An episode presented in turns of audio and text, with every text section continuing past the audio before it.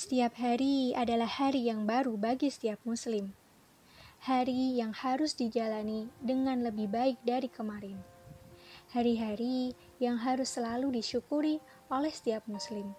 Kenapa? Karena dengan adanya hari-hari tersebut, kita bisa menjalankan ibadah sesuai dengan perintah Allah Subhanahu wa Ta'ala, sehingga nikmat mana yang kau dustakan? Namun, apakah mendustakan nikmat itu berarti hanya berbuat dosa saja? Berbuat yang mungkar saja? Lalu, bagaimana bila seorang Muslim yang dalam kesehariannya dia hanya menyia-nyiakan waktunya? apakah itu bukan termasuk dalam mendustakan nikmat?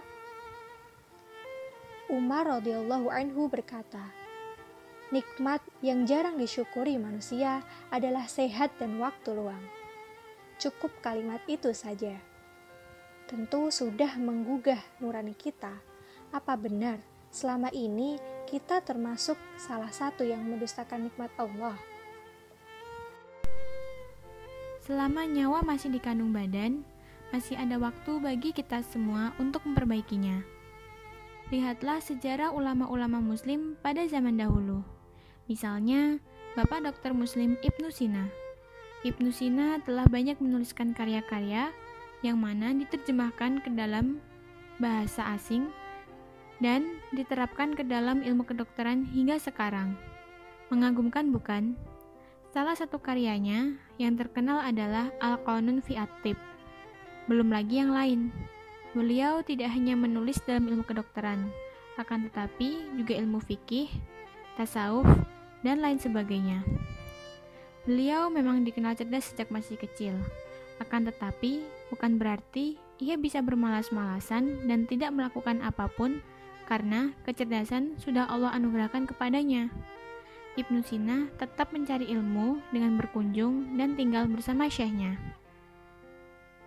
Dalam salah satu kutipan buku Tawanan Tujuh Menara yang menceritakan biografi Ibnu Sina, dijelaskan bahwa kehidupannya yang menjadi dokter kerajaan sekaligus guru membuatnya hanya mampu tidur dua jam saja sehari semalam. Sekarang, bandingkan sendiri dengan kehidupan kita. Berapa jam yang kita habiskan untuk tidur, dan berapa jam pula kita habiskan untuk bermain. Lalu, ada berapa karya yang telah kita hasilkan dari 24 jam 7 hari tersebut? Masya Allah, itu tidaklah sebanding dengan apa yang telah dikerjakan oleh Ibnu Sina. Jika dalam benak kita berkata, kan kehidupan Ibnu Sina berbeda dengan kita. Tidak ada kuliah, tidak ada tugas, tidak ada organisasi. Apakah sempat dalam pikiran kalian terbesit hal tersebut? Perlu diingat lagi, bahwa zaman dahulu tidak ada transportasi yang memudahkan mereka seperti kita saat ini, yaitu motor atau mobil. Semua perjalanan mereka lakukan dengan jalan kaki. Selain itu, keadaan Timur Tengah saat itu tidak seaman Indonesia saat ini. Peperangan antar kerajaan kecil sering terjadi, penculikan Ibnu Sina juga sering terjadi atas perintah atasan perbudakan dan diskriminasi yang kaya dan miskin masih terjadi. Banyak hal yang menjadi tantangan bagi Ibnu Sina. Akan tetapi, nyatanya Ibnu Sina masih aktif dan produktif berkarya di sela waktunya. Tidak ada sholat malam yang terlewatkan bagi Ibnu Sina. Berbeda jauh dengan kita, negara kita aman dari konflik. Transportasi mudah diakses, sarana dan prasarana seperti internet mudah dijangkau. Lalu, apalagi yang kurang dari kita? Apa perbedaan kita dengan syekh-syekh zaman dahulu? Kita sama-sama memiliki 24 jam dan 7 hari dalam seminggu. Lalu, di mana letak perbedaannya? Hal yang sering kita lupakan adalah bahwa waktu merupakan salah satu karunia Allah. Tentu saja, Tempat pertama kita meminta berkahnya waktu adalah dari sang pemilik waktu tersebut, yaitu Allah Subhanahu wa taala. Berkahnya waktu terjadi saat hal pertama kali yang kita lakukan selepas bangun tidur. Beruntung bagi umat muslim yang mendisiplinkan diri dengan bangun lebih awal karena saat subuh. lihatlah betapa susahnya orang-orang barat yang ingin memiliki kehidupan produktif dimulai dengan bangun pagi. Akan tetapi, mereka tidak bisa seperti maunya umat Islam. Hal yang bisa kita pelajari dari para sahabat dan ulama terdahulu adalah mengawali pagi dengan Al-Quran. Tentu dengan Al-Quran, bacalah Al-Quran di pagi hari.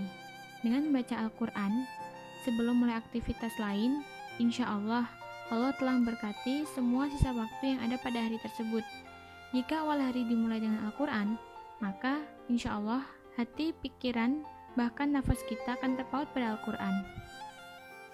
Kita mana tahu, bisa jadi tugas yang harusnya dikerjakan selama dua jam, plus ngobrol sama temen, namun karena paginya sudah diawali dengan baca Al-Quran, maka hati dan bibir kita dijaga dari prasangka-prasangka.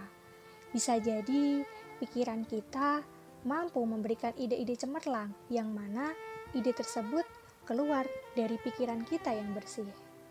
Dan ternyata pikiran bersih itu terjadi karena kita sudah membuang hal yang buruk saat membaca Al-Quran di pagi hari. Perlu diingat lagi bahwa berkahnya waktu seperti yang dilakukan para ulama dulu adalah mereka selalu mengawali hari mereka dengan baca Al-Quran. Hal mudah yang perlu kita tiru yaitu jangan pernah sekalipun dalam satu hari seorang muslim terlepas dari membaca Al-Quran. Semoga Al-Quran senantiasa melekat di hati tiap muslim, agar nantinya mampu menciptakan karya-karya yang gemilang dan mampu menciptakan peradaban yang mengagumkan, insya Allah.